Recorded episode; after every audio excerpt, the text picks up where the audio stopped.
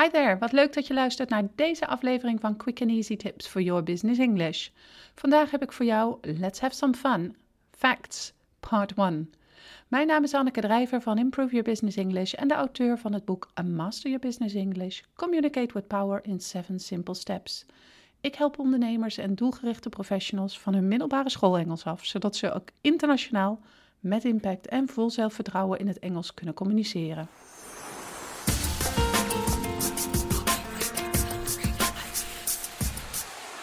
Misschien wel het allerbelangrijkste bij het leren van de Engelse taal is dat je er plezier in hebt. De kans is groot dat je je Engels probeert te verbeteren omdat het nou eenmaal moet voor een professionelere uitstraling op de werkvloer. Maar dit hoeft niet te betekenen dat je met tegenzin Engelse taalregels uit je hoofd moet stampen.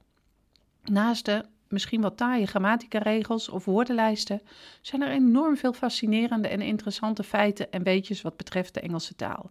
En het is niet gewoon alleen leuk om op de hoogte te zijn van deze weetjes, sommige kunnen zelfs ook bijdragen aan je taalbegrip. Dat noem ik nog eens leren op een leuke manier. De podcast gaat dus in op verschillende interessante feiten en weetjes over de Engelse taal die je misschien zelfs kunnen helpen met het bereiken van een beter Engels taalniveau. Feit nummer 1. Shakespeare, de woorduitvinder. William Shakespeare. Dat is een naam die je zonder twijfel al vaker hebt gehoord. Het is misschien al een van de bekendste Engelse schrijvers en dichters ooit. William Shakespeare leefde in de 16e eeuw in het Britse plaatsje Stratford upon Avon. Bekende werken van hem zijn Romeo en Juliet, Hamlet en Othello. Toen hij op 52-jarige leeftijd overleed, had hij 39 toneelstukken, meer dan 150 gedichten en nog een aantal andere werken geschreven. Maar de werken van Shakespeare hebben niet alleen een rijke contributie aan de wereld van de literatuur gedaan. Shakespeare had er namelijk een handje van om zelf nieuwe woorden en uitdrukkingen te bedenken, die hij door middel van zijn toneelstukken en gedichten introduceerde aan de rest van de wereld. In totaal heeft Shakespeare meer dan 1500 woorden toegevoegd aan de Engelse taal. Nu zul je misschien denken dat dit een enorm ouderwetse woorden zijn, maar niets is minder waar. Een groot aantal van de woorden en uitdrukkingen die Shakespeare heeft bedacht, worden namelijk nog dagelijks gebruikt. Heb je wel eens groen gezien van jaloezie? De benaming green-eyed voor jaloezie heeft Shakespeare voor het eerst in de wereld ingeholpen bij een toneelstuk genaamd The Merchant of Venice. Ken je dat gevoel dat je een grapje maakt wanneer je iemand niet goed kent om het ijs te breken? To break the ice is wederom een uitdrukking die je te danken hebt aan Shakespeare. Heb je je ooit lonely, uncomfortable of ill-tempered gevoeld? Of juist excited of satisfied? Je raadt het al. Allemaal woorden die Shakespeare heeft bedacht. Feit nummer 2. Frans, maar dan in het Engels. Voordat ik dit feitje nader toelicht, geef ik je een mini crash course aan Engelse geschiedenis. Net zoals bij veel andere landen is de geschiedenis van Engeland lang niet zo rustig en vredig verlopen als het tegenwoordig gaat. In het jaar 1066 vond de Battle of Hastings plaats tussen het leger van de Normaanse William the Conqueror en het leger van de Engelse koning Harold Godwinson. Na een bloederige veldslag werd de Engelse koning verslagen door de Normaanse William the Conqueror. Vanaf dat moment werd William the Conqueror de officiële koning van Engeland. Waarom dit belangrijk is? Nou, William the Conqueror was Normaans en sprak daarom Frans. Vanaf het moment dat hij zichzelf King William I of England noemde, installeerde hij Frans als de officiële taal van Engeland. Als gevolg daarvan is het Frans ongeveer 300 jaar lang de officiële taal van Engeland geweest. In werkelijkheid spraken de lagere klassen van de bevolking nog steeds oud Engels, maar door de toenemende invloed van de Franse taal die gesproken werd in de hogere klassen van de bevolking, onderging het Oud-Engels een enorme verandering. Zelfs zo groot dat het Oud-Engels ontwikkelde naar wat tegenwoordig Middle English wordt genoemd.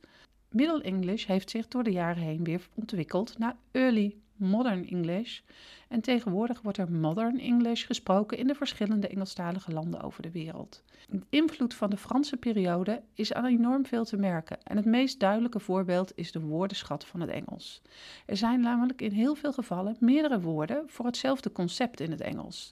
Denk bijvoorbeeld aan to begin en to commence, want allebei starten betekent, of needs and requirements, wat beide benodigdheden betekent. Zoals ik eerder aangaf, werd de Franse taal voornamelijk door de hogere klasse in Engeland gesproken. Het is dan ook niet gek dat de Franse varianten, zoals commands en requirements, als formelere woorden gezien worden dan de Engelse varianten, die gebruikt werden door de lagere klasse.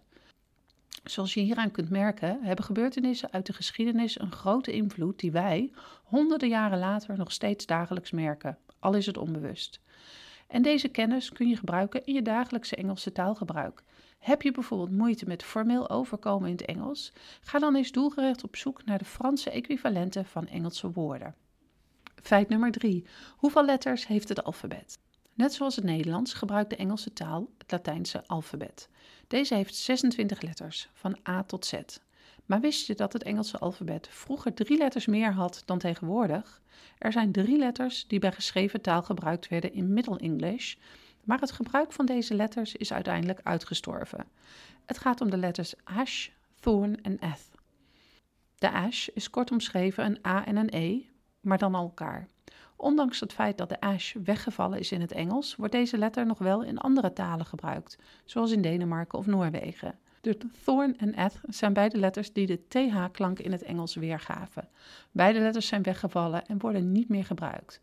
Maar misschien kun je je herinneren dat ik je bij eerder verschenen artikelen heb geïntroduceerd aan het fonetisch schrift van het Engels. Dit is een schrift dat met aparte symbolen de precieze uitbraak van het Engels weergeeft. Daar zijn de thorn en de eth nog wel te vinden. Door op de hoogte te zijn van deze drie feiten zorg je ervoor dat je een beter bewustzijn hebt van de Engelse taal. En je hebt niet alleen de theoretische kennis, je weet ook hoe en waarom een bepaald gegeven zo is. Dat is niet alleen leuk voor een interessant gesprek tijdens de koffiepauze op het werk, het kan je ook nog eens helpen om daadwerkelijk beter Engels te spreken.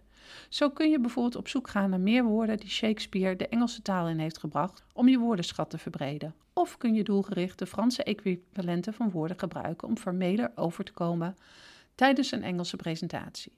Ben je benieuwd geworden naar nog meer feitjes en weetjes over de Engelse taal? Dat komt goed uit. De volgende podcast zal je namelijk nog een aantal interessante feiten geven. Als je deze aflevering hebt geluisterd, zou ik het enorm op prijs stellen als je een review voor ons zou willen achterlaten op SoundCloud of iTunes. Dit helpt anderen weer om onze podcast te vinden en daarmee hun Engels te verbeteren. Ben jij op zoek naar meer manieren om je zakelijk Engels te verbeteren? Bezoek dan onze website www.improveyourbusinessenglish.com See you next time with quick and easy tips for your business English.